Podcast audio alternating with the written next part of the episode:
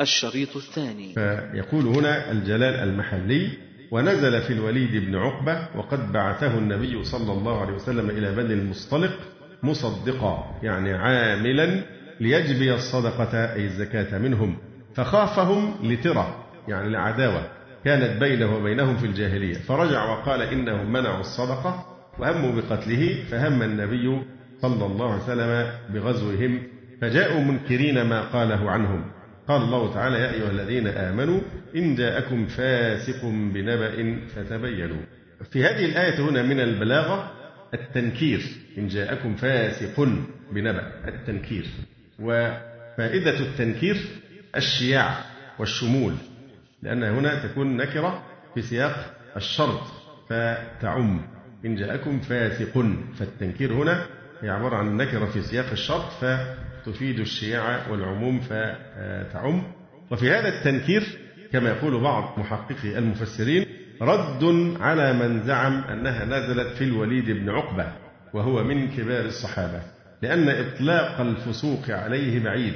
والوليد كما يذكرون ظن فأخطأ والمخطئ لا يسمى فاسقا.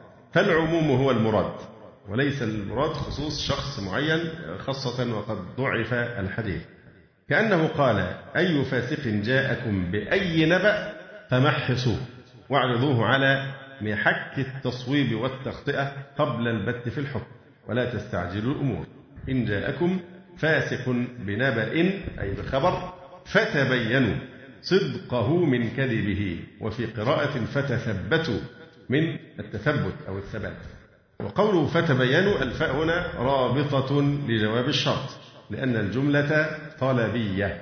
إن جاءكم فاسق بنبأ فتبينوا.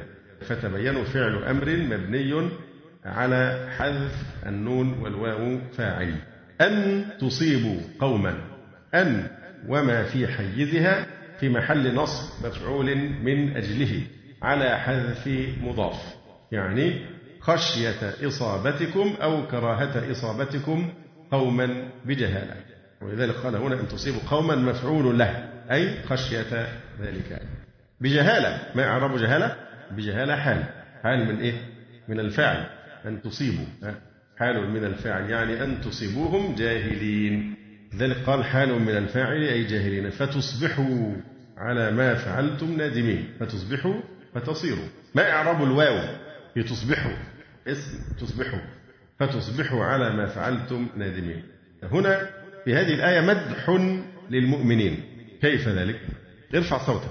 هنا مدح للمؤمنين بأنهم إذا فعلوا سيئة فإنهم ليسوا كمن فعل السيئة ممن يعني لا يبالي بها ولا يلتفت إليها كأنها ذباب حط على أنفه فقال به هكذا. وإنما مدح للمؤمنين بأنهم يصبحون نادمين عليها. ولذلك فتصبحوا على ما فعلتم نادمين فهذا فيه مدح للمؤمنين على أنهم إذا أساءوا فإنهم يندمون. وقد صح عن النبي صلى الله عليه وآله وسلم أنه قال الندم توبة. فتصبحوا أي تصيروا على ما فعلتم من الخطأ بالقوم نادمين. ما إعراب نادمين؟ خبر تصبحوا. ما تصبحوا دي من أخوات مين؟ من أخوات كم؟ وأرسل صلى الله عليه وسلم إليهم بعد عودهم إلى بلادهم خالدا. فلم ير فيهم إلا الطاعة والخير فأخبر النبي صلى الله عليه وسلم بذلك. واعلموا أن فيكم رسول الله. رسول اسم أن. مؤخر. واعلموا أن فيكم رسول الله فلا تقولوا الباطل فإن الله يخبره بالحال وبالحقيقة. ما نوع البلاغة في قوله واعلموا أن فيكم رسول الله؟ التقديم. قدم خبر أن على اسمها والقصد من ذلك التشدد على بعض المؤمنين ليتحاشى ما استهجنه الله من محاولتهم اتباع رأي رسول الله صلى الله عليه وسلم لآرائهم. واعلموا أن فيكم رسول الله فلا تقولوا الباطل فإن الله يخبره بالحال. لو يطيعكم في كثير من الأمر لعنتم. طبعا في كثير من الأمر الذي تخبرون به على خلاف الواقع. فرتب على ذلك مقتضاه لعنتم. يعني لأثمتم دونه.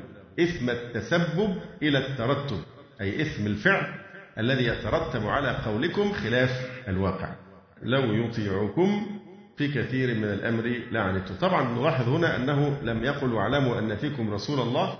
لو أطاعكم في كثير من الأمر لعنتم وإنما قال لو يطيعكم. فعبر بالمضارع دون الماضي لإفادة الديمومة. والاستمرار على أن يعمل ما يرونه صوابا وإن عليه كلما عن لهم رأي أو بدأت لهم في الأمور بداءة أن يخلد إليهم ويفعل ما يعتقدونه خطأ. لو يطيعكم في كثير من الأمر يعني الذي تخبرون به على خلاف الواقع فرتب أي النبي عليه السلام على هذا الخبر مقتضى لعنتم لأثمتم دون النبي صلى الله عليه وسلم. إثم التسبب إلى الترتب.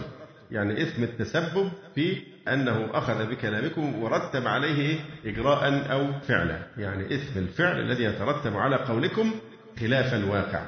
ولكن الله حبب إليكم الإيمان وزينه أي حسنه في قلوبكم وكره إليكم الكفر والفسوق والعصيان بين حبب وكره طباق. قوله ولكن الله حبب إليكم إلى آخره هذا استدراك من حيث المعنى دون اللفظ. لأن من حبب الله إليه الإيمان وكره إليه الفسوق والعصيان غايرت صفته صفة من تقدم ذكره يعني الفاسق الذي يأتي بنبأ وبدون تبين يقبله الناس ويترتب عليه ما يترتب من هذه الأمور. فهذا هذا استدراك من حيث المعنى وليس من حيث اللفظ ولكن الله حبب إليكم الإيمان إلى آخره. أولئك هم الراشدون. أولئك مبتدأ. هم ضمير فصل. أو كلمة هم مبتدأ ثان. أولئك هم الراشدون. هنا أيضا من البلاغة الالتفات. أولئك هم الراشدون. فيه التفات عن الخطاب. الراشدون خبر. الثابتون على دينهم. فضلا من الله ونعمة. فضلا من الله ما إعرابها فضلا مفعول به لأجله أو مفعول من أجله. يعني لكن الله حبب إليكم كذا فضلا أو يمكن أن تكون مفعولا به. يكون إيه بقى المعنى؟ تبتغون فضلا من الله. فإذا قلنا مفعولا من أجله فضلا من الله يعني حبب إليكم فضلا من الله. فيتعين هنا كون جملة أولئك هم الراشدون جملة إيه؟ اعتراضية. فضلا من الله اسم مصدر منصوب بفعله المقدر أي أفضل فضلا من الله ونعمة منه والله عليم بهم حكيم في إنعامه عليهم. ثم يقول تبارك وتعالى وإن طائفتان من المؤمنين اقتتلوا فأصلحوا بينهما فإن بغت إحداهما على الأخرى فقاتلوا التي تبغي حتى تفيء إلى أمر الله. فإن فاءت فأصلحوا بينهما بالعدل وأقسطوا إن الله يحب المقسطين. إنما المؤمنون إخوة فأصلحوا بين أخويكم واتقوا الله لعلكم ترحمون. قوله تعالى وإن طائفتان من المؤمنين. ما إعراب طائفتان؟ أحسنت. وإن طائفتان من المؤمنين اقتتلوا فهي فاعل لفعل محذوف يعني وإن اقتتل طائفتان من المؤمنين. فيفسر الفعل المحذوف ما بعده. هذه الآية نزلت في قضية وهي أن النبي صلى الله عليه وسلم ركب حمارا أو مر على عبد الله بن أبي السلولي فبال الحمار فسد ابن أبي أنفه. فقال ابن رواحة والله لبول حماره أطيب ريحا من مسكك فكان بين قوميهما ضرب بالأيدي والنعال والسعف. وأصله في الصحيحين. وإن طائفتان من المؤمنين اقتتلوا طائفة الجماعة من الناس وأيضا طائفة تطلق على القطعة من الشيء. أيضا الطائفة تطلق على الذين يجمعهم رأي أو مذهب يمتازون به عن سواهم. وأيضا الطائفة تطلق على الواحد فصاعدا حتى قيل إلى الألف أو أقلها رجلان أو رجل فيكون بمعنى النفس. وإن طائفتان من المؤمنين اقتتلوا. أنا أذكر أحد الشباب في السبعينيات ألف رسالة في حكم سفر المرأة بدون محرم وما أراد أن يذكر اسمه فعرض وكتب عليها قلم طائفة من طلبة العلم وهو يعني بذلك نفسه واحدا. أخذا من هذا المعنى. فلما نربطها بالحادثة دي مش هتنسوا أن الطائفة تطلق أيضا على الفرد. فالطائفة الواحد فصاعدا إلى الألف أو أقلها رجلان أو رجل فيكون بمعنى النفس. وإن طائفتان من المؤمنين اقتتلوا. لم يذكر الكثير من المفسرين هذا الذي ذكره التاج المحلي في ذكر سبب النزول. واعتاد العلماء والفقهاء أن يستنبطوا من هذه الآية وما تلاها أحكاما تتعلق بطائفة معينة هي أحكام قتال البغاة. وهذا النوع من الأحكام لم يتم تطبيقه في حياة النبي صلى الله عليه وسلم. وإنما أول من طبق أحكام البغاة هو أمير المؤمنين علي بن أبي طالب رضي الله تعالى عنه. فالبغاة لهم فقه مستقل حكم قتال البغاة وهو أنه يحل قتالهم ولا يحل قتلهم. كما قال بعض العلماء قد يحل قتال الرجل ولا يحل قتله. ليس القتال من القتل بسبيل. ليس المقصود هنا في قتال البغاة ليس المقصود إراقة الدم في حد ذاته وإنما المقصود تعجيزهم عن مواصلة الخروج على الإمام الحق. تعجيزهم وإضعافهم. فالمقاتلة هنا من أجل تعجيزهم لا استحلالا لدمائهم وترتب على ذلك أحكام خاصة بالبغاة منها مثلا أنه لا يقتل مدبرهم. في أثناء الحرب لو هرب شخص من الساحة لا يطارد يتركه يخرج لأن المقصود حصل وهو أن لا يقاتل ويخرج. كذلك لا يجهز على الجريح. إذا جرح أحدهم وعجز عن القتال فبالتالي لا يجهز عليه. كذلك أيضا لا يسبون لا يحصل سبي نسائهم مثلا ولا يغنم لهم مال ولا تسبى لهم ذرية لأنهم لم يكفروا ببغيهم ولا بقتالهم. وعصمة الأموال تابعة لدينهم لأنهم مسلمون. ولذا يجب رد ذلك إليهم من أخذ منهم في أثناء يعني القتال. كذلك لا يضمنون ما أتلفوه حال الحرب من نفس أو مال. ومن قتل من أهل البغي يغسل ويكفن ويصلى عليه. لكن إن قتل العادل إن قتل العادل اللي هو جندي في جيش الإمام الحق فإنه يكون شهيدا فلا يغسل ولا يصلى عليه لأنه قتل في قتال أمره الله تعالى به كشهيد معركة الكفار قال الفقهاء وإن أظهر قوم رأي الخوارج مثل تكفير من ارتكب كبيرة وترك الجماعة واستحلال دماء المسلمين وأموالهم ولم يجتمعوا لحرب لم يتعرض لهم وإن جنوا جناية وأتوا حدا أقامه عليهم. على أي الأحوال طبعا كتب الفقه فيها تفاصيل أحكام البغاة وسبق أن درسناها بالتفصيل. وإن طائفتان من المؤمنين اقتتلوا فالإمام المحلي جلال الدين المحلي احتاج لما ربط الآية بهذا السبب المذكور احتاج إلى إيه بقى؟ إلى إنه يقول إن كلمة وإن طائفتان من المؤمنين اقتتلوا قال هنا إيه؟ جمع نظرا إلى المعنى لأن كل طائفة جماعة فهو هيقع هنا في نوع من التناقض يعني إن كان القتال حصل بين مين ومين أنا الحقيقة لم أتفرغ للتحقيق حوادث الحصول على هذا السبب يعني وإن كان الحديث أصله في الصحيحين في قصة أخرى لكن ربطه بهذه الآية هو الذي يحتاج لنوع من التحري. لكن على أي الأحوال الآية على ظاهرها في المؤمنين. حتى يثبت خلاف ذلك. وإن طائفتان من المؤمنين اقتتلوا. وممكن يكون قوم عبد الله بن أبي فيهم مسلمون انحازوا إليه إيه؟ حمية. فوقع قتال بين فعلا طائفتين من المؤمنين. ليسوا منافقين. اقتتلوا. هو كان يمكن أن يقول إيه؟ اقتتلا. نظرا إلى اللفظ المثنى. لكنه لما جمع هنا نظر إلى المعنى. فلذلك قال التاج المحلي جمع في قوله اقتتلوا نظرا إلى المعنى لأن القياس اقتتلتا وإن طائفتان من المؤمنين اقتتلتا فحمل على المعنى لأن الطائفتين في معنى القوم والناس. يقول لأن كل طائفة جماعة. وقرئ شذوذا اقتتلتا. لكن هذه قراءة شاذة. وإن طائفتان من المؤمنين اقتتلوا فأصلحوا بينهما. بينهما هنا حملها على اللفظ فأصلحوا بينهما. فثنى نظرا إلى اللفظ. فإن بغت الفاء هنا عاطفة. فإن بغت أي تعدت إحداهما على الأخرى. فقاتلوا التي تبغي حتى تفيء إلى أمر الله. حتى حرف غاية وجر. حتى تفيء أي ترجع إلى أمر الله الحق.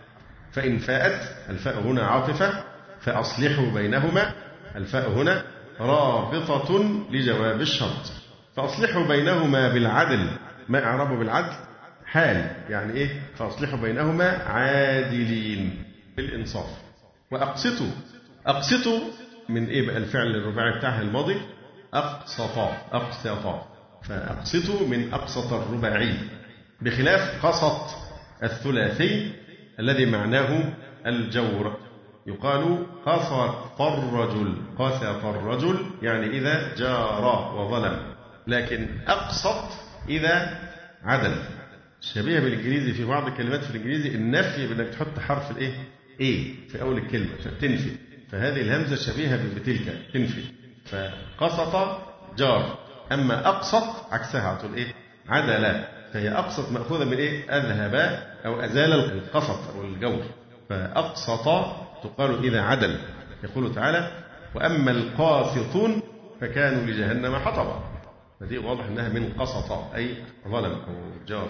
أما أقسط فبمعنى أزال القسط أي الجور. يقولون إذا جاء القسط زال القسط إذا جاء القسط العدل زال القسط أي الجور. وإن طائفتان من المؤمنين اقتتلوا إلى قوله تعالى فإن فاءت فأصلحوا بينهما بالعدل وأقسطوا أي أعدلوا. إن الله يحب المقسطين. هذه الجملة تعليل للأمر بالإقساط. تعليل للأمر. هل لها محل من الإعراب؟ ليس لها محل من الإعراب لأنها جملة تعليلية. إن الله يحب المقسطين. ثم قال تعالى إنما المؤمنون إخوة. إنما كافة ومكفوفة. إنما المؤمنون إخوة أي في الدين.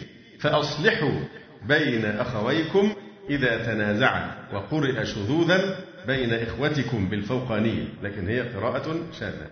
واتقوا الله في الإصلاح لعلكم ترحمون. قوله تعالى فأصلحوا بين أخويكم. يقول الزمخشري هذا تقرير لما ألزمه من تولي الإصلاح بين من وقعت بينهم المشاقة من المؤمنين. وبيان أن الإيمان قد عقد بين أهله من السبب القريب. الإمام يكون سببا أقوى من القرابة. والنسب اللاصق ما إن لم يفضل الأخوة ولم يبرز عليها لم ينقص عنها. يعني الإيمان يربط بين المؤمن وأخيه رابطة تساوي رابطة الإيه؟ النسب.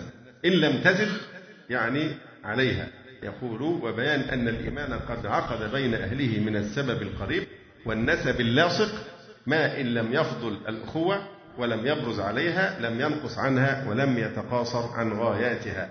ثم قد جرت عادة الناس على أنه إذا نشب مثل ذلك بين اثنين من إخوة الولاد إخوة الولادة مثلا لزم السائر أن يتناهضوا في رفعه وإزاحته. فباقي الأفراد الأسرة من الإخوة والأشقاء وكذا المفروض يتكاتفون من أجل إيه؟ محاولة الإصلاح بين الأخوين المتخاصمين ويركبوا الصعب والذلول مشيا بالصلح وبثا للسفراء بينهم إلى أن يصادف ما وهي من الوفاق من يرقعه وما استشن من الوصال من يبله فالأخوة في الدين أحق بذلك وبأشد منه لقول النبي صلى الله عليه وسلم المسلم أخو المسلم لا يظلمه ولا يخذله.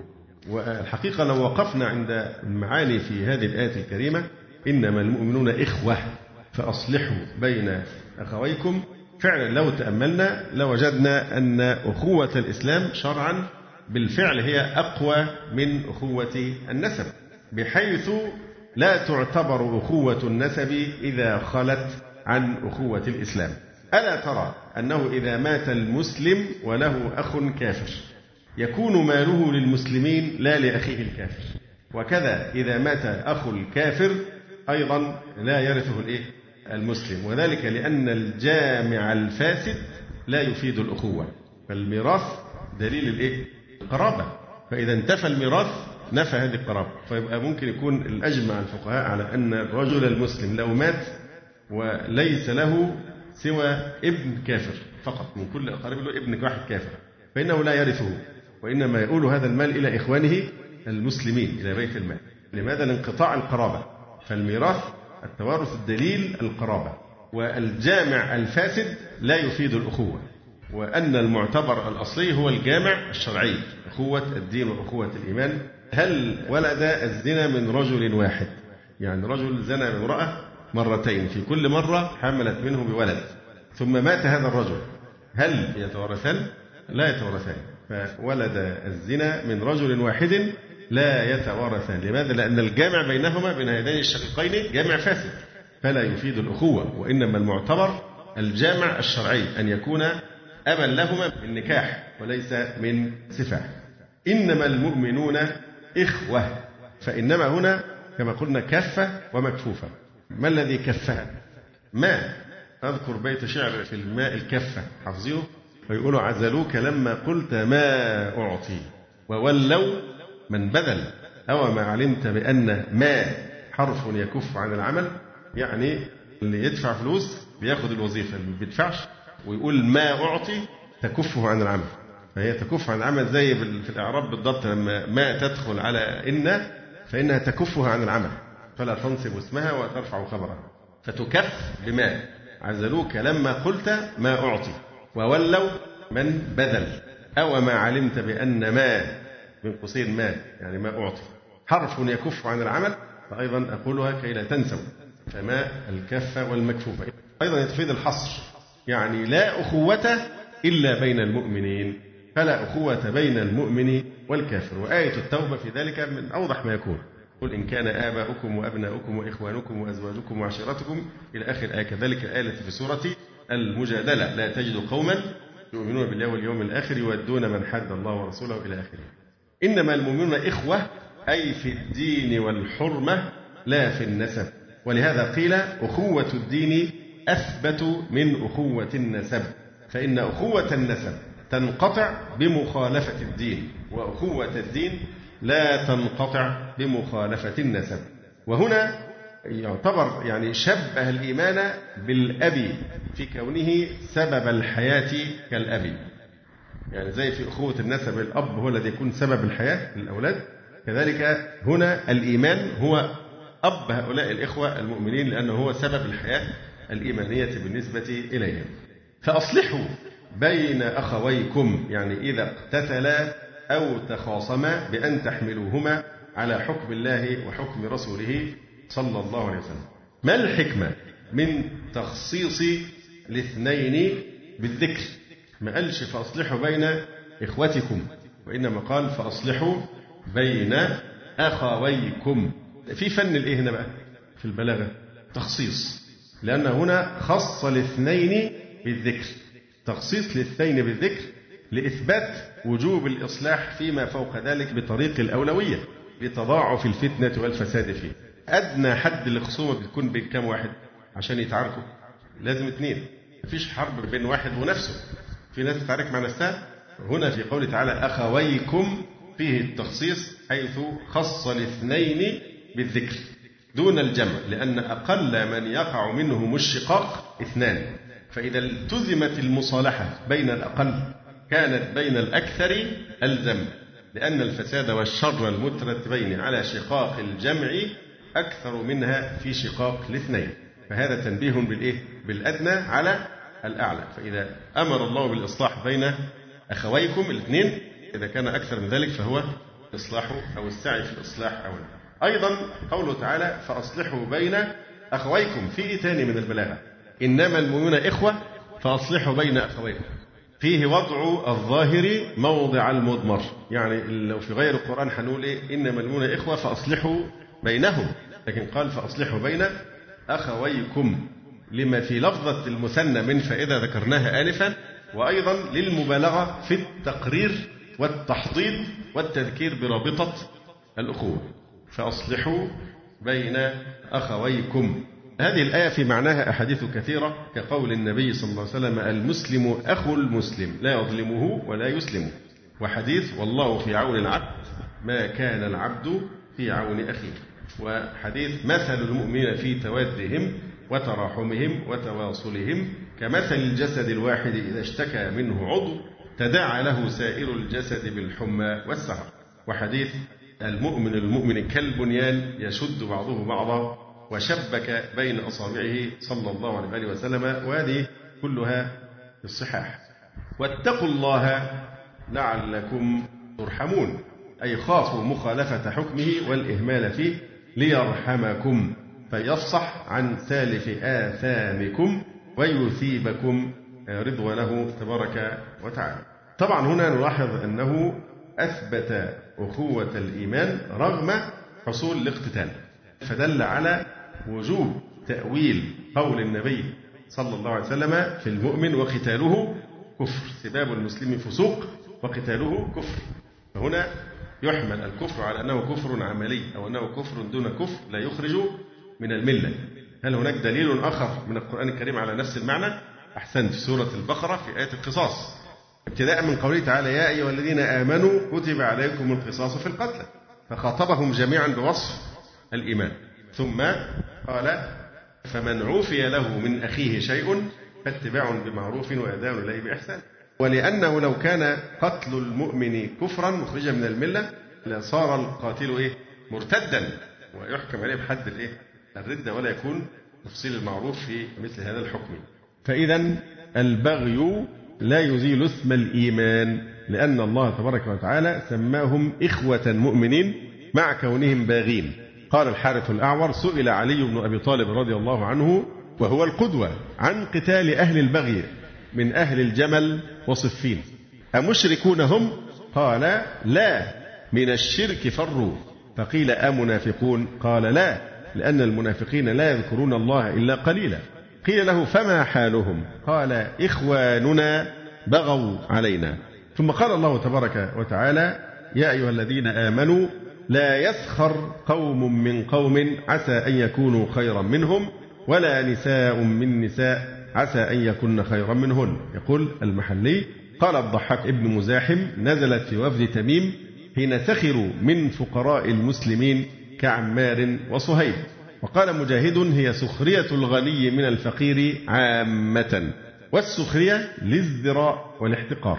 لا يسخر قوم من قوم. قوم هنا بمعنى إيه؟ رجال.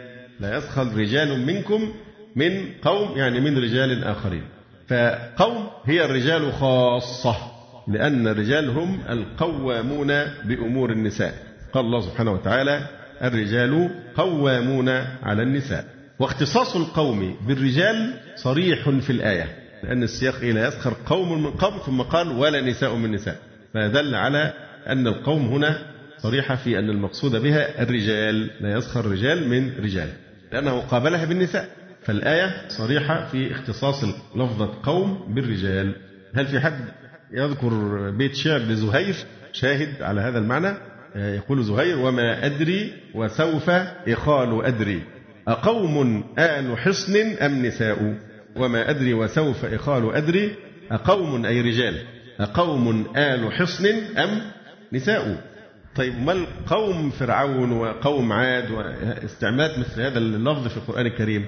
يعني هنا ذكر الذكورة وترك ذكر الإناث لكن هل لا يدخل فيها الإناث؟ يدخلون تبعا للرجال قوم عاد قوم هود وهكذا فقصد ذكر الذكور وترك ذكر الإناث لأنهن توابع لرجالهن.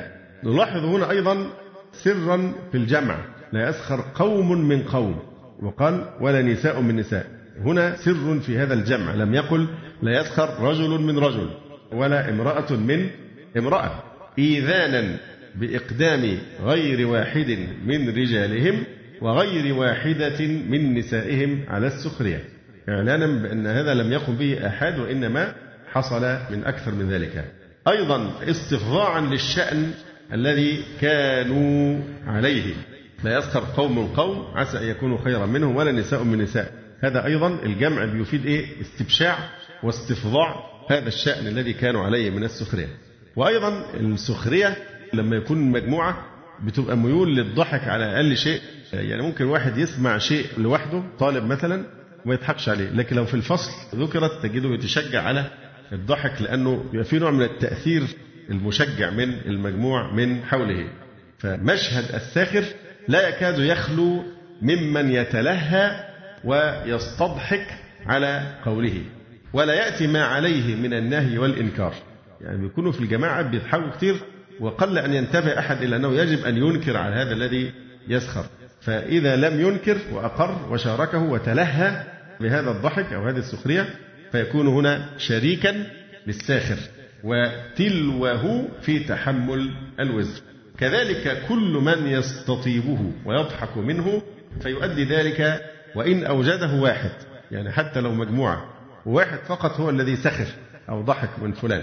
يوجد في المجموع الحاضرين القوم الحاضرين إما أنه منكر لهذا الأمر لكنه لا ينكر ويسكت ويقر فيكون شريكا له وإما من يستطيب هذا الكلام ويسعد به ويضحك عليه ويفرح فهذا أيضا يؤدي إلى تكثير السخرية حتى لو كان القائم به واحدا لكن أصبح القوم شركاء إما بالسكوت عن الإنكار وإما بالضحك وتقبل هذا المسلك.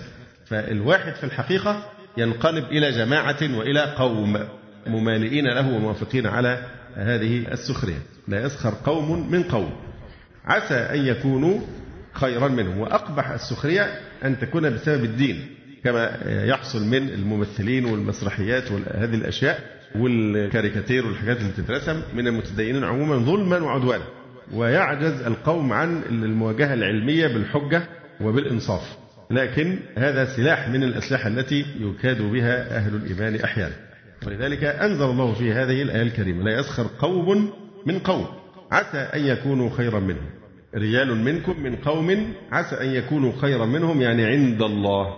ولا نساء منكم من نساء عسى أن يكون خيرا منهن. ولا تلمزوا أنفسكم اللمز هو الطعن والضرب باللسان. ولا تلمزوا أنفسكم. طيب كلمة أنفسكم تفيد معنى سبق أن ذكرناه آنفا في قوله تعالى إنما المؤمنون إخوة. كيف؟ لأنه عبر عن الإخوان بلفظة الأنفس وهذا من أقوى ما يدل في القرآن الكريم على قوة رابطة الأخوة في الله. أنه يعبر عن أخيك في الله بأنه إيه؟ نفسك. إيتون بالشواهد على ذلك. لا تخرجون أنفسكم من دياركم؟ يعني لا تخرجون إخوانكم.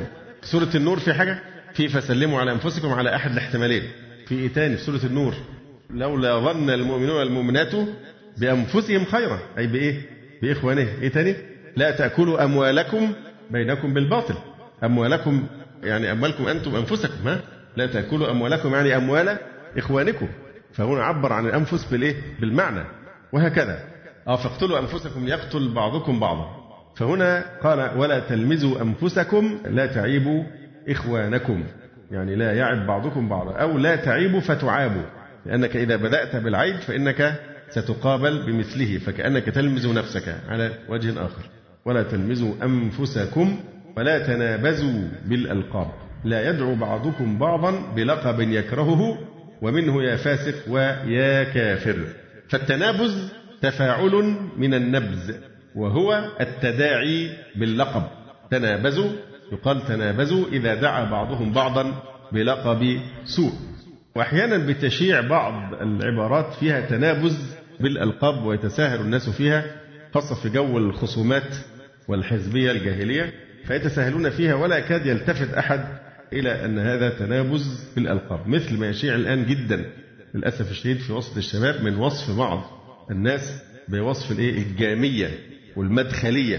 أصبح تنابزا بالألقاب شاع جدا في وسط الشباب وهذا من الأمور المؤلمة. وما يكاد يلتفت أحد إلى أن هذا تنابز بالألقاب ما ينبغي أن يقال مثل هذا. يعني. حتى لو اختلفت مع أخيك. صفه بوصف ينطبق على حاله. أما تحويلها إلى لقب من أجل الذم فهذا مما لا يليق ولا تنابزوا بالألقاب. لا يدعو بعضكم بعضا بلقب يكرهه ومنه يا فاسق أو يا كافر. وفي الحديث إذا قال الرجل لأخيه يا كافر فقد باء بها أحدهما. إلى آخر الحديث. يقول أبو السعود في تفسير آه، هذه الآية الكريمة فإن مناط الخيرية في الفريقين ليس ما يظهر للناس من الصور والأشكال ولا الأوضاع والأطوار التي عليها يدور أمر السخرية غالبا بل إنما هو الأمور الكامنة في القلوب. فلا يجترئ أحد على استحقار أحد. فلعله أجمع منه لما نيط به من الخيرية عند الله تعالى فيظلم نفسه بتحقير من وقره الله تعالى والاستهانة بمن عظمه الله تعالى. أوضح ما يكون ذلك في قصة نوح عليه السلام. في مناظرته للمستكبرين من قومه حينما كانوا يستكبرون عن دخول الإيمان وهؤلاء يتسوون معهم إذا يعني أسلموا. فالمنهي هنا عن جميع معاني السخرية فلا يحل لمؤمن أن يسخر من مؤمن لا لفقره ولا لذنب ركبه ولا لغير ذلك. فالسخرية من آفات اللسان. وكما ذكرنا هي الاستهانة والتحقير والتنبيه على العيوب والنقائص على وجه يضحك منه. وقد يكون ذلك بالمحاكاة في القول والفعل اللي هو يقلد حركات الشخص الذي يسخر منه.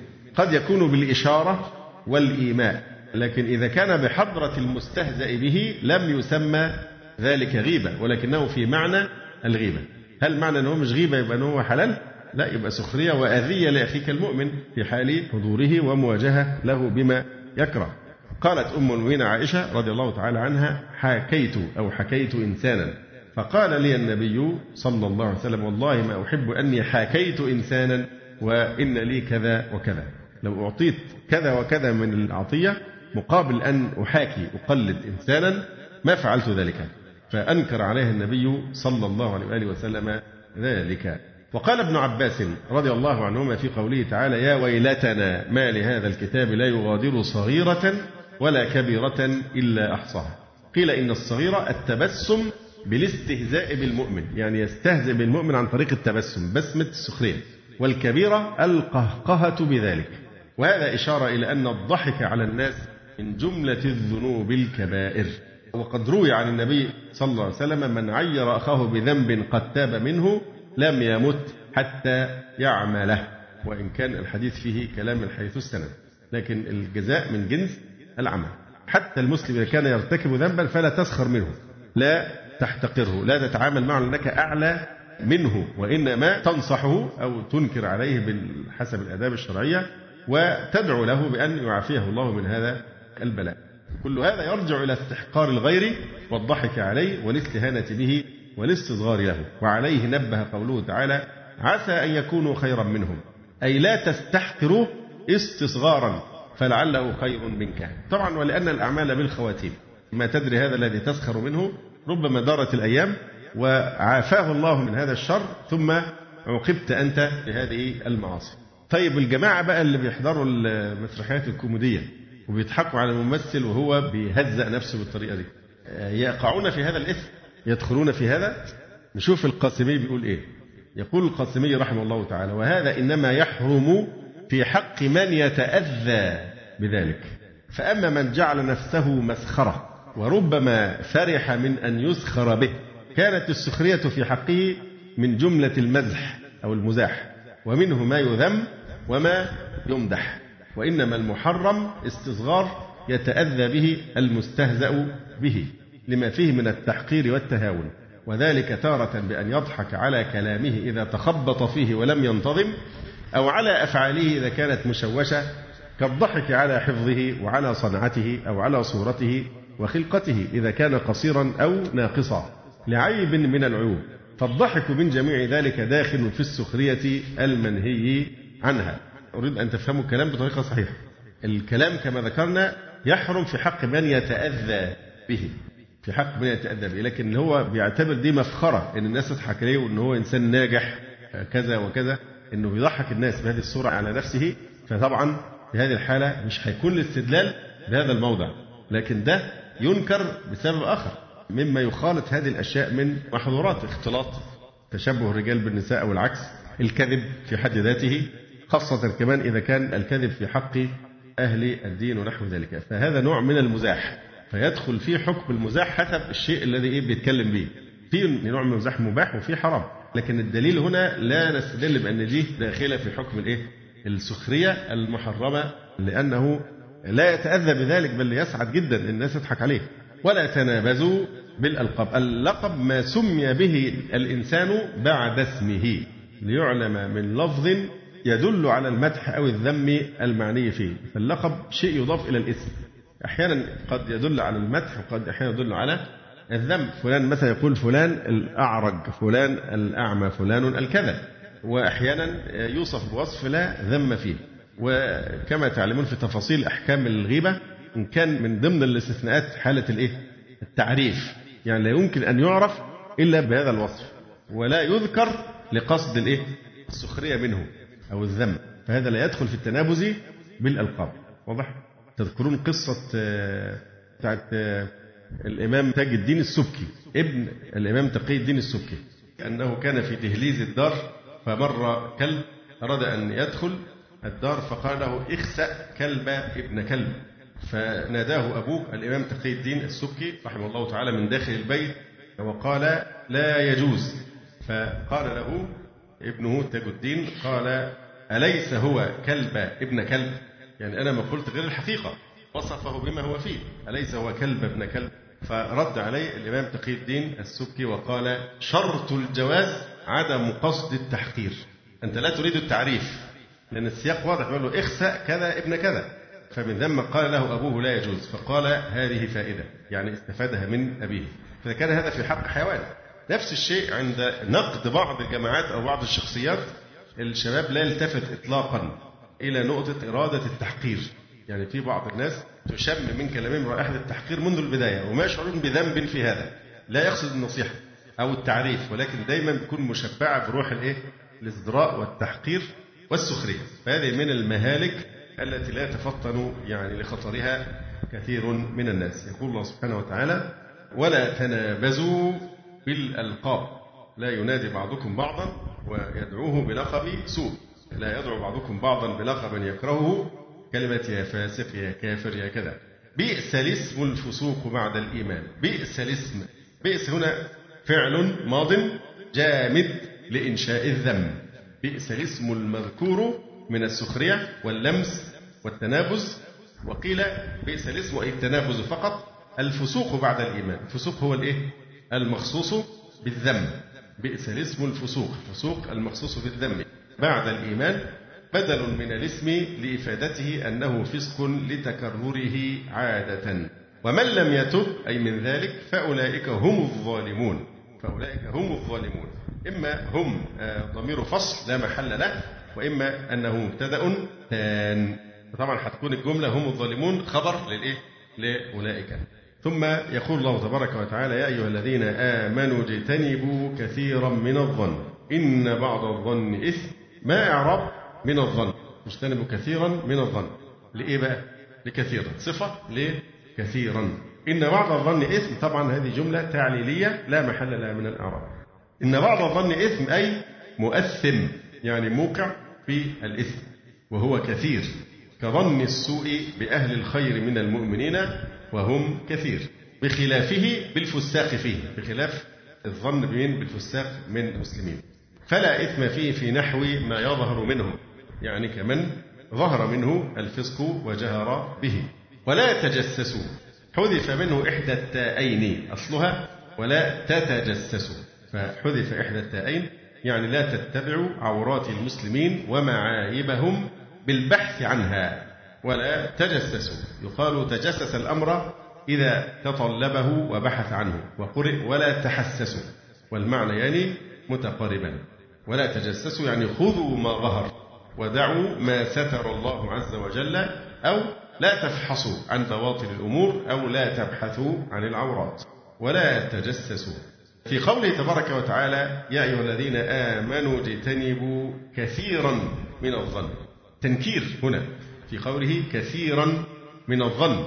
فالسر في التنكير هنا إفادة معنى البعضية للإذان بأن في الظنون ما يجب أن يجتنب من غير تبيين لذلك ولا تعيين لئلا يجتري أحد على ظن إلا بعد تأمل وبعد نظر وتمحيص واستشعار للتقوى. والحذر من أن يكون الظن طائش السهم بعيدا عن الإصابة. وما أكثر الذين تسول لهم ظنونهم ما ليس واقعا ولا يستند إلى شيء من اليقين. اجتنبوا كثيرا من الظن. إن بعض الظن إثم أي مؤثم كما ذكرنا. ولا تجسسوا ولا يغتب بعضكم بعضا. يعني لا يذكره بشيء يكرهه وإن كان فيه. ثم قال تبارك وتعالى أيحب أحدكم أن يأكل لحم أخيه ميتا فكرهتموه؟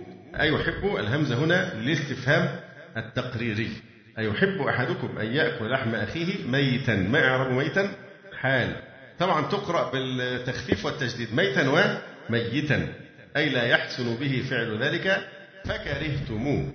ما نوع الفاء؟ فصيحة. يبقى التقدير إيه بقى؟ نعم. آه، إن صح هذا فكرهتموه. هي الفاء الفصيحة. أي فاغتيابه في حياته كأكل لحمه بعد مماته. وقد عرض عليكم الثاني فكرهتموه. فاكرهوا الأول. عرض عليكم الثاني اللي هو أكل لحم المؤمن وهو ميت فكرهتموه. فاكرهوا أيضا أكل لحمه حيا بالغيبة. واتقوا الله. الواو هنا استئنافية. واتقوا الله أي عقابه في الاغتياب بأن تتوبوا منه. إن الله تواب قابل توبة التائبين رحيم بهم. فهنا شبه من يغتاب غيره بمن يأكل لحم أخيه ميتا. وفيه مبالغات. أولها الاستفهام التقريري كأنه أمر مفروغ منه مبتوت فيه. الاستفهام التقريري أيحب أحدكم؟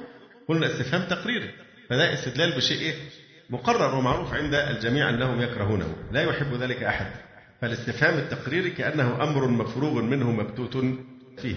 ثم أيضا جعل ما هو الغاية من الكراهة موصولا بالمحبة. حتى يكون التنفير في أقصى درجة ممكنة أعلى درجة من التنفير من هذا الفعل أنه جعل إيه؟ ما هو الغاية من الكراهة. يعني لو واحد أتى لأخيه أخيه بقى شوف يعني أخيه وأخوه هذا جثة ميتة ثم هو يقطع من لحمه ويأكل. فهذا إيه؟ يكره غاية الكراهة. لو الإنسان تخيل هذا هل يمكن أن تطوعه نفسه على فعله؟ لا يمكن. هذا الإنسان يكرهه طبعا. دعونا من القبائل النيام نيام وأكيد لحوم البشر طبعا هؤلاء ممسوخون. هؤلاء ممسوخ الفطرة لكن أي إنسان سليم الفطرة ينفر ويكره ذلك أشد النفور حتى مجرد تخيله. فجعل ما هو الغاية من الكراهة موصولا بالمحبة. فقال أيحب أحدكم ما يكرهه غاية الكراهة؟ فربط المحبة وصلها بما هو مكروه غاية الكراهة. أيضا إسناد الفعل إلى كل أحد.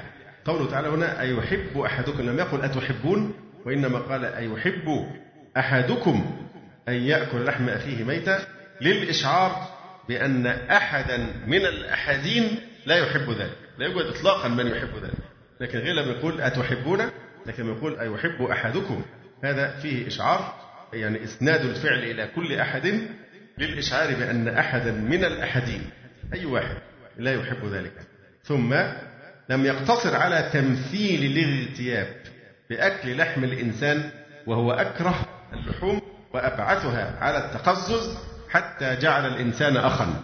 حتى جعل لحم هذا المأكول أخا لك. أيحب أحدكم أن يأكل لحم أخيه ميتا فكرهتموه.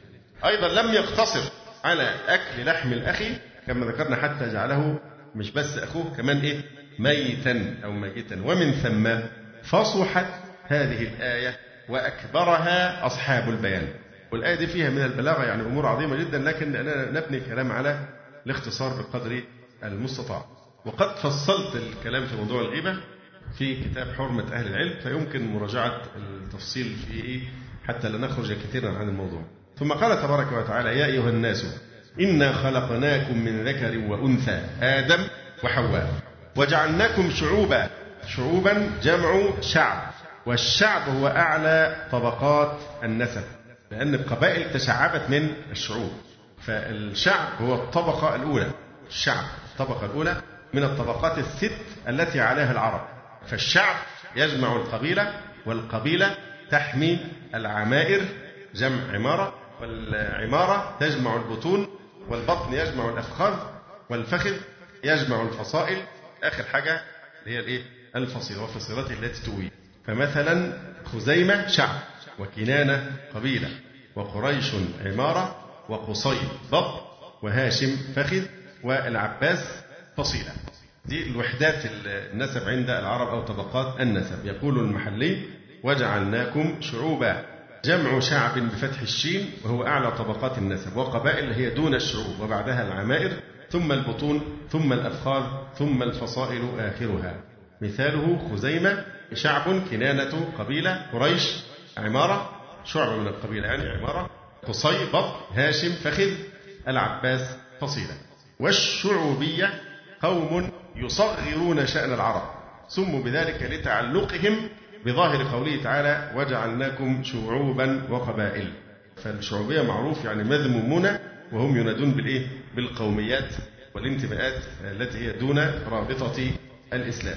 يا أيها الناس إنا خلقناكم من ذكر وأنثى وجعلناكم شعوبا وقبائل لتعارفوا. إن أكرمكم عند الله أتقاكم. إن الله عليم خبير. فقوله تعالى إنا خلقناكم من ذكر وأنثى أي من أب وأم فما منكم أحد إلا وهو يدلي بمثل ما يدلي به الآخر. يعني في انتسابه إلى آدم وحواء سواء بسواء. فلا وجه للتفاخر والتفاضل في النسب. وجعلناكم شعوبا وقبائل لتعارفوا. يعني جعلناكم متناسبين فبعضكم يناسب بعضا نسبا بعيدا. وبعضكم يناسب بعضا نسبا قريبا. ليعرف بعضكم بعضا في قرب القرابة منه وبعده لا لفضيلة لكم في ذلك وقربة تقربكم إلى الله. بل كما قال تعالى إن أكرمكم عند الله أتقاكم. فذكر الشعوب والقبائل ليس هنا. ذكر العلة لتعرفوا. وليس من أجل أن يتفخر بعضكم على بعض. إن أكرمكم عند الله أتقاكم. وقد قال النبي صلى الله عليه وسلم من بطأ به عمله لم يسرع به نسبه. فأكرمكم عند الله أتقاكم أي أشدكم اتقاء له وخشية بأداء فرائضه واجتناب معاصيه. لا أعظمكم بيتا ولا أكثركم عشيرة. قوله تعالى لتعارفوا حصر حكمة جعلهم شعوبا وقبائل فيه. طب الحصر هنا مأخوذ من إيه؟ وجعلناكم شعوبا وقبائل لتعارفوا. ليه بنقول هنا لتعارفوا حصر؟ الحصر مأخوذ من التخصيص بالذكر والسكوت في معرض البيان. لتعارفوا فحصر حكمة جعلهم شعوبا وقبائل في التعارف. أي إنما جعلناكم كذلك ليعرف بعضكم بعضا فتصلوا الأرحام وتبينوا الأنساب والتوارث لا للتفاخر بالآباء والقبائل. للتعارف وليس للتفاخر.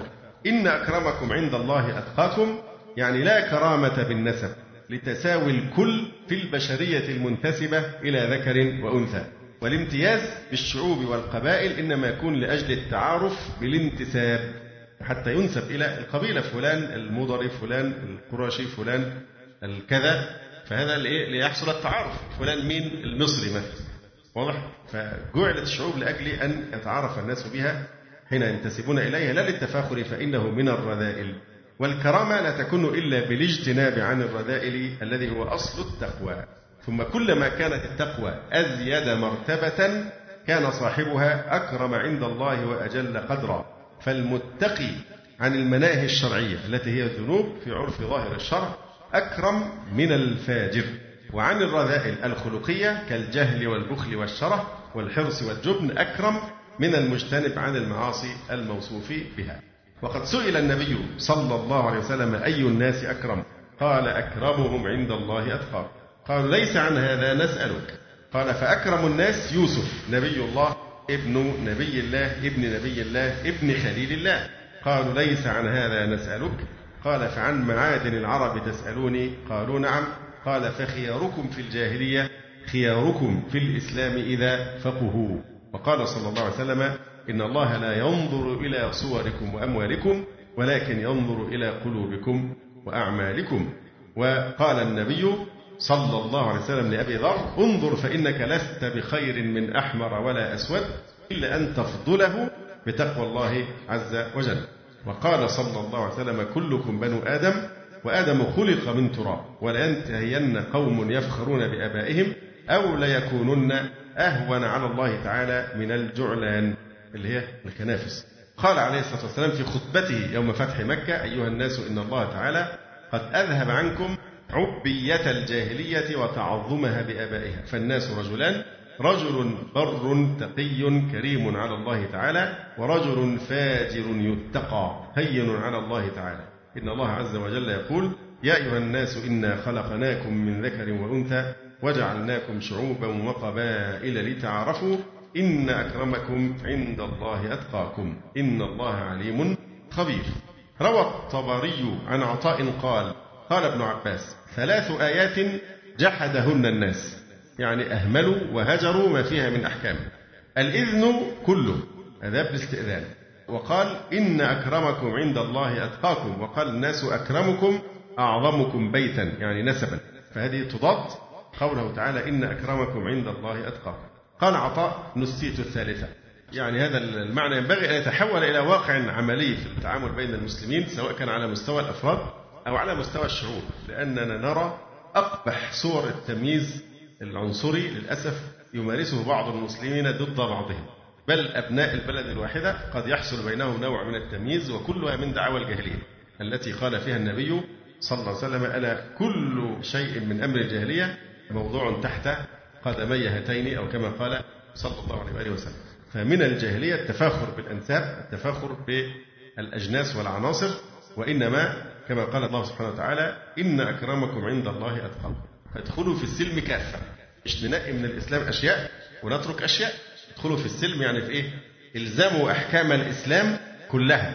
لا تميزوا بعضها عن بعض ولا تؤمنوا ببعض الكتاب وتكفروا البعض الآخر. فهذه آية في القرآن الكريم. من الأخلاق الجاهلية السيئة التي شاعت في كثير من البلاد استحقار بعض الشعوب الإسلامية بعضها بعضا بل التعامل معهم أحيانا أنهم عبيد. كأن الرق يعود في ثوب جديد ثوب عصري تحت مسمى كذا أو كذا. فيتعامل المسلم مع أخيه معاملة العبيد. بل ربما احترم الكافر أكثر مما يحترم المسلم. نجد في بعض البلاد واحد مسلم يكون متجنس للأسف بجنسية أمريكاني أو كذا أو كذا. يعملوا معاه عقد غيابي طبعا ما شافوش. فيدوا العقد بمرتب عالي جدا لأنه خواجة. فيجي يوصل البلد يفاجئوا بيه مثلا من بلد أخرى عربي أو من إحدى البلاد العربية. فيقولوا لا أنت تاخد نص المرتب. لأنك أصلا مش أمريكي أو من كذا أو كذا. فالحقيقة أنا أتألم لما أذكر كلمة قالها الشيخ أحمد قطان زمان في أمريكا. سمعتها في أمريكا زمان في إحدى محاضراته كان يقول اللهم ارزقنا الجنسية الأمريكية حتى نعيش في البلاد العربية كراما. اللهم لا آمين. طبعا الشيخ بيمزح يعني. فطبعا نحن نفخر بانتسابنا للعروبة والبلاد العربية ولا يحرصن أحد أبدا على أن يتحول إلى جنسية الكفار لأن هذه الأصل فيها أنها جريمة يعني ولا تباح إلا في حالات استثنائية نادرة جدا. والتجنس بالجنسية ده داخل في إيه؟ بمغرياتها الشديدة. يعني يذكرنا بقول ملك غسان لكعب بن مالك بلغنا أن صاحبك جفاك فالحق بنا نواسك تعالى عندنا هتلاقي بقى إيه؟ كذا وكذا من الأموال والكذا وهذه الأشياء. لكن سلامة الدين هي المقياس. ولا شك أن سلامة الدين في بلادنا الإسلامية على ما فيها من انحراف عن التدين لكن بلا شك أرحم من التواجد في جنة الكفار سواء في أوروبا أو في أمريكا أو في غيرها. فالناس عندنا إحنا هيئة بتقول إيه؟ هيئة الجوازات والجنسية والهجرة. فالهجرة دايما لما بتتقال دلوقتي عايز تهاجر هجرة لأستراليا كندا أمريكا دي الهجرة. في حين إن سهم الهجرة على طول من بلادنا إلى هذه البلاد. الصحيح الهجرة دايما بتكون بالعكس. من بلاد الكفار إلى بلاد إلى فوجود البلاء في بلاد المسلمين هو مع ذلك خف من بلاد الكفار. في بلاد الكفار يسلم لك الدنيا على التنغيص الذي فيها لكن الإسلام اللغة العربية والقرآن والعلم والدعوة كل هذا هو يعني في بلاد المسلمين. ومع ما نحن فيه من المعاناة الشديدة لكن ولله الحمد ما زال الخير قائما وما زال الأمور بخير نسبيا طبعا. ولا يكاد يوجد نظير لما نحن فيه ولله الحمد من النعمة. نسأل الله سبحانه وتعالى أن يحسن أحوالنا إلى ما هو أفضل وأن يحسن عاقبتنا في الأمور كلها. أخي الكريم نرجو مواصلة الاستماع إلى الشريط التالي.